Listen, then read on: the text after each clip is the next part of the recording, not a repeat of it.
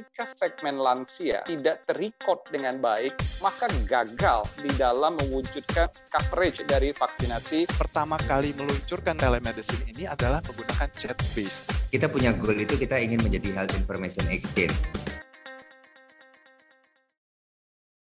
Oke, kita akan masuk ke sesi panel discussion ya. Oke, pertanyaan yang pertama ya. Saya akan bacakan terlebih dahulu dari uh, Bapak Danik ya sepertinya. Ini bagaimana cara transformasi digital dalam vaksinasi karena ada kekurangan di manajemen sumber daya manusia dalam literasi digital. Nah ini uh, apa mirip juga dengan pertanyaan dari Ibu Wuri ya di Jakarta. Uh, bagaimana kita mengalokasikan sumber daya medis yang terbatas ini, gitu ya. Jadi terkait dengan sumber daya manusia, terkait vaksinasi juga dalam literasi digital kita itu terpriorisasi ke dalam segmen. Tapi yang menarik begini, ada tantangan ketika segmen lansia itu tidak terrecord dengan baik, maka gagal di dalam mewujudkan uh, coverage dari vaksinasi untuk lansia. Bahkan sekarang ini target lansia sampai saat ini ketika sudah tujuh bulan vaksinasi proses itu masih susah sekali.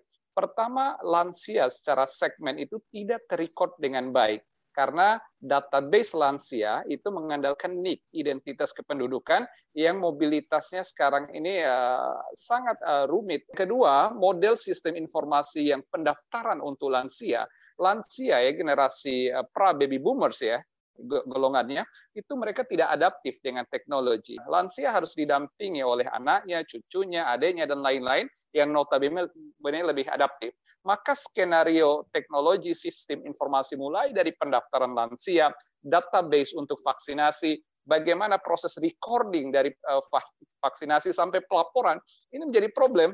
Itu sebab vaccination rate kita itu sangat tergantung dari kecepatan database merecord dan juga melaporkan eh, segmen-segmen prioritas ini.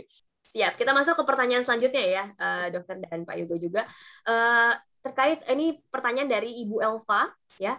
Saya ingin bertanya, banyak ditemukan dalam mutu pelayanan masyarakat di pedesaan itu cenderung kurang dalam segi fasilitasnya. Bagaimana cara institusi di pedesaan untuk menjamin keselenggaraan pelayanan kesehatan yang bermutu? Nah ini sama juga pertanyaan dari Ibu Destrialita ya, terkait telemedicine diharapkan mampu memberikan pelayanan yang menyeluruh dan layak ya bagi siapa saja di mana saja. Lalu bagi teman-teman uh, yang menghadapi kendala jaringan di daerah terpencil seperti apa? Apakah akan dibuatkan dalam mode offline? Bukankah semua rakyat Indonesia seharusnya mendapatkan hak yang sama? Uh, Good Doctor ini sangat kami sangat secara uh, intensif kami selalu berkomunikasi dan selalu memberikan webinar-webinar khusus untuk tenaga kesehatan. Kenapa? Tujuannya adalah untuk uh, pertama-tama supaya sesama sesama pelayan, uh, pemberi pelayanan kesehatan itu punya informasi yang sama. Akibatnya apa? Kalau punya informasi yang sama, berarti kan pasti pelayanannya akan sama. Nah, di sisi yang lain, Good Doctor ini sangat percaya bahwa kita punya kita saat ini masih punya tantangan uh, jaringan. Oleh karena itu, memang kami uh, pertama kali meluncurkan uh, telemedicine ini adalah menggunakan chat based Tujuannya apa? Karena chat base ini yang paling makan bandwidth paling kecil. Gitu ya. Tetap bisa melakukan uh, pengiriman foto dan sebagainya, tetapi basicnya adalah chat base. Jadi uh, dengan chat, dengan chatting. Itu itu yang kami harapkan bisa menjawab juga dan membantu terutama teman-teman uh, masyarakat Indonesia yang ada di daerah yang lebih terpencil. Oke, semoga tadi sudah terjawab ya pertanyaannya. Ini kita lanjut pertanyaan dari Ibu Lena di Palembang ya berkaitan dengan uh, topik hari ini, saya ingin bertanya, jika menggunakan health technology, ini apakah rekam medis saya atau data saya akan terjaga kerahasiaannya? Saya pernah search nama seseorang di Google, lalu muncul orang ini berkonsultasi mengenai penyakit seksual yang dia miliki di sebuah health technology, dan terpampang jelas hmm. di Google juga ketika kita search namanya. Sedangkan kalau kita datang ke dokter secara langsung, tidak ada orang luar yang bisa mengakses data kita, penyakit kita. Kira-kira ada solusinya nggak mengenai hal ini? Mungkin bisa dibantu oleh Pak Yugo. Sekali kalau di tempat kami, ketika kita bicara platform, ini masalah yang paling uh, sering muncul. Ketik, karena gini, kalau kita bicara, uh, saya coba korelasikan dengan fasilitas kesehatan. Karena mindsetnya di fasilitas kesehatan itu biasanya kalau kita punya dia punya sistem itu harus servernya ada di tempatnya mereka sendiri atau istilahnya premis Karena apa? Karena datanya terjaga uh, apa aman di sana. Nah, ini yang sebetulnya kita dalam proses nurturing karena kita mencoba menghadirkan teknologi yang cloud based di mana semua data itu disimpannya di uh, cloud, tapi sebetulnya tidak literally di cloud. Sebetulnya kita pun punya uh, apa namanya Uh, kita punya dedicated server sendiri ada di satu tempat yang itu benar-benar literally ada komputernya, ada ruangannya yang luar apa sangat luas dan itu ada benar-benar dedicated server di sana dan tentu nggak mungkin kita menjalankan satu industri atau satu usaha ini tanpa kita memikirkan uh, kira-kira resikonya bagaimana nanti ketika kita bicara cloud base. Ya. Jadi kalau misalkan kita bicara uh, apa keamanan data dan lain sebagainya, sebetulnya ketika kita bicara platform itu sudah ada juga ISO-nya. Kalau bicara keamanan atau security itu ISO 2, 2700 uh, 27001 itu bicara uh, sertifikasi untuk ISO-nya dan itu bicara tentang security dan bisa dipastikan data-datanya itu terinskripsi atau benar-benar uh, aman. Lalu yang ke, uh, kedua tadi orang yang melakukan googling. Kalau misalkan dia googling, ini yang perlu dipertanyakan tergantung dari si orang yang melakukan konsultasi tadi, apakah dia konsultasinya melalui platform di dalam platform atau melalui forum? Nah, yang saya takutkan adalah dia melakukan konsultasi melalui forum sehingga apa yang dia posting itu juga bisa dibaca oleh semua orang. Oke, mungkin ada tambahan juga dari Dokter Ega atau Dokter Hermawan. Di dalam Undang-Undang Kesehatan Nomor 36 Tahun 2009 ini bagian dari uh, electronic medical record. Dulu kita menggunakan konvensional medical record seperti halnya di klinik, rumah sakit dan lain-lain. Tetapi begitu ada platform telemedicine, maka semua mau nggak mau menggunakan electronic uh, medical record. Dua sisi, ada yang menjadi hak pasien dan keluarga, termasuk hak atas informasi, tetapi ada hak atas record yang dimiliki oleh platform, artinya dikelola oleh platform ketika platform ini uh, membocorkan atau data itu bocor, maka dia bisa kena pidana. Wow, dan terkhusus juga terima kasih Pak Her Dr. Hermawan ya. Nah ini pertanyaan selanjutnya ya menarik juga dari Pak William ya. Uh, sebetulnya apa saja fokus penggunaan telemedicine ya dok ya, melihat kelebihan dan kekurangan telemedicine ini, apakah bisa menjadi sarana teknologi untuk mempermudah kontrol perawatan, lalu apakah hasil laboratoriumnya bisa tepat dan akurat? Saya pernah menggunakan aplikasi dengan menginformasikan gejala saya ke dokter yang ada di aplikasi tersebut. Namun, apakah menurut para panelis semua dokter bisa langsung mendiagnosis tanpa menyentuh ataupun melihat kondisi fisik kita? Dalam menegakkan sebuah diagnosa, itu ada dua part penting tadi saya jelaskan. Ada yang namanya history taking atau anamnesa kita sebutnya. Ada satu lagi adalah pemeriksaan fisik dan dilanjutkan dengan pemeriksaan penunjang.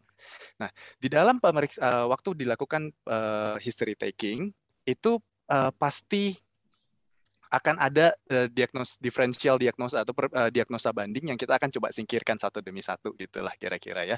Telemedicine mempunyai part-partnya tersendiri saja dan tidak bisa semuanya. Contohnya hal-hal yang menyangkut masalah sudah kegawat daruratan, sesak bicara tentang sesak nafas, bicara tentang penurunan kesadaran, bicara demam yang sangat tinggi, kejang dan seterusnya, itu tidak bisa dilakukan di telemedicine. Nah, um, kalau misalnya ternyata kendalanya seperti yang tadi Pak William katakan bahwa um, dari hasil lab bagaimana? Sebenarnya hasil lab itu sudah membantu kita untuk menegakkan diagnosa. Uh, tetapi jangan kita lupakan juga bahwa di dalam pemeriksaan fisik itu ada juga yang namanya visualisasi. Jadi kita bisa mendiagnosa seseorang dengan menggunakan uh, mata, dengan menggunakan mata gitu ya. Apakah seseorang itu kuning, seseorang itu uh, tampak lesu seperti itu ya, itu menggunakan mata dan itu rata-rata bisa di uh, bisa dibantu dengan platform-platform seperti uh, telemedicine juga. Begitu Mbak. Sheila. Siap Dokter Ega. Kita masuk lagi ke pertanyaan selanjutnya. Di sini ada dari Pak Frandi Putra ya. Uh, saya Pak Frandi dari Bandung izin bertanya bagaimana sinkronisasi proses transformasi digital antar fasilitas kesehatan dan kolaborasi interprofesional antar tenaga kesehatan itu sendiri. Wah, berat sekali ya. Wow. Oke. Yang perlu kita ketahui dulu bahwa bidang kesehatan itu bagian dari bidang yang terdesentralisasi di dalam pembangunan kesehatan kita di Indonesia. Jadi kalau kita bicara sumber daya kesehatan yang terkait dengan SDM, anggaran, kemudian fasilitas, klinik, puskesmas, rumah sakit, dan lain-lain, itu bagian dari indikator performance konkuren pemerintah daerah. Jadi bosnya itu bukan eh, Kementerian Kesehatan, tapi wali kota, bupati, gubernur. Jadi kalau kita punya 514 kabupaten kota, 34 provinsi di Indonesia, variabilitas sistem kesehatan itu di situ Nah, walaupun ada yang sifatnya terpusat, integrasi antar rumah sakit di dalam kawasan, di dalam uh, kaitan dengan pemerintah setempat, itu wilayah pemerintah setempat melalui dinas kesehatannya. Tetapi memang dalam keadaan wabah, karena ini global pandemi, bagian dari uh, national emerging disease gitu ya, itu akan menjadi wilayah nasional juga yang akhirnya terikut. Jadi sifatnya seperti pandemi ini ada yang langsung. Nah, kemudian ada lagi sistem informasi, sistem informasi yang berkaitan dengan eh, laporan-laporan uh, rutin, terutama penyakit-penyakit yang dalam pantauan ya. Misalnya dia masuk ke dalam Millennium Development Goals Program atau Sustainable Development Goals seperti uh, uh, HIV/AIDS, uh, tuberkulosis, malaria, itu menjadi penyakit yang khusus yang memang direcord secara nasional, tersistem. Nah, variabilitas inilah yang menyebabkan daerah punya peranan penting dan setiap uh, uh, pemerintah daerah harusnya memiliki kemauan ya, uh, willing to learn and willing to change. Jadi untuk melakukan strengthening health system atau penguatan sistem kesehatan di daerah masing-masing. Kemudian bagaimana konektivitas antar tenaga kesehatan ada melalui sistem rujukan berjenjang. Tadi di depan di materi saya itu ada yang disebut dengan health system resilience, ketahanan sistem kesehatan. Jadi yang namanya layanan kesehatan perorangan, mulai dari orang konsultasi, kalau didapatkan kasus eh, yang harus dirawat pada vaskes yang lebih lengkap, maka dia akan dirujuk mulai dari klinik atau puskesmas ke rumah sakit daerah, biasanya kelas D atau kelas C, kemudian ke rumah sakit provinsi, kelas B, atau bahkan ke top referral kalau memang membutuhkan eh, layanan spesialik hingga subspesialistik. Dan itu ada di masing-masing regional di Indonesia. Udah diatur di dalam uh, tata sistem kesehatan nasional kita. Kira-kira demikian, Mas Ella. Oke, siap uh, Pak Hermawan ya. Mungkin ada tambahan juga nih dari Pak Yugo.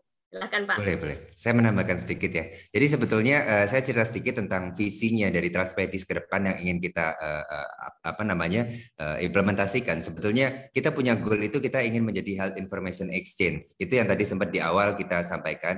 Intinya bagaimana health information exchange? Simpelnya adalah seperti ini. Ketika seorang pasien berkunjung ke rumah sakit ataupun ke fasilitas kesehatan atau ke dokter mana pun, ketika mereka uh, let's say suatu hari mereka harus berpindah tempat kondisi saat ini, dokter yang akan menangani berikutnya belum tentu mereka bisa tahu catatan rekam medisnya mereka. Nah, harapan kita adalah kita bisa membuat sebuah ekosistem health information exchange di mana rekam medis dari pasien ini bisa di di apa dibawa ke mana-mana dan bisa dipertukarkan. Tentu nggak bisa segampang itu kita langsung tukar-tukaran rekam medis seperti itu karena rekam medis ini sebetulnya menjadi haknya si pasien karena uh, rekam medis ini kan si pasien itu harus bisa uh, memiliki rekam medis itu sendiri sebetulnya. Nah, ketika dia harus berpindah ke rumah sakit lain atau ke vaskes lain atau ke dokter lain, maka dokter yang akan menangani berikutnya bisa melihat uh, rekam medisnya uh, si pasien itu tapi tentunya dengan uh, seizin atau otorisasi dari pasien yang bersangkutan.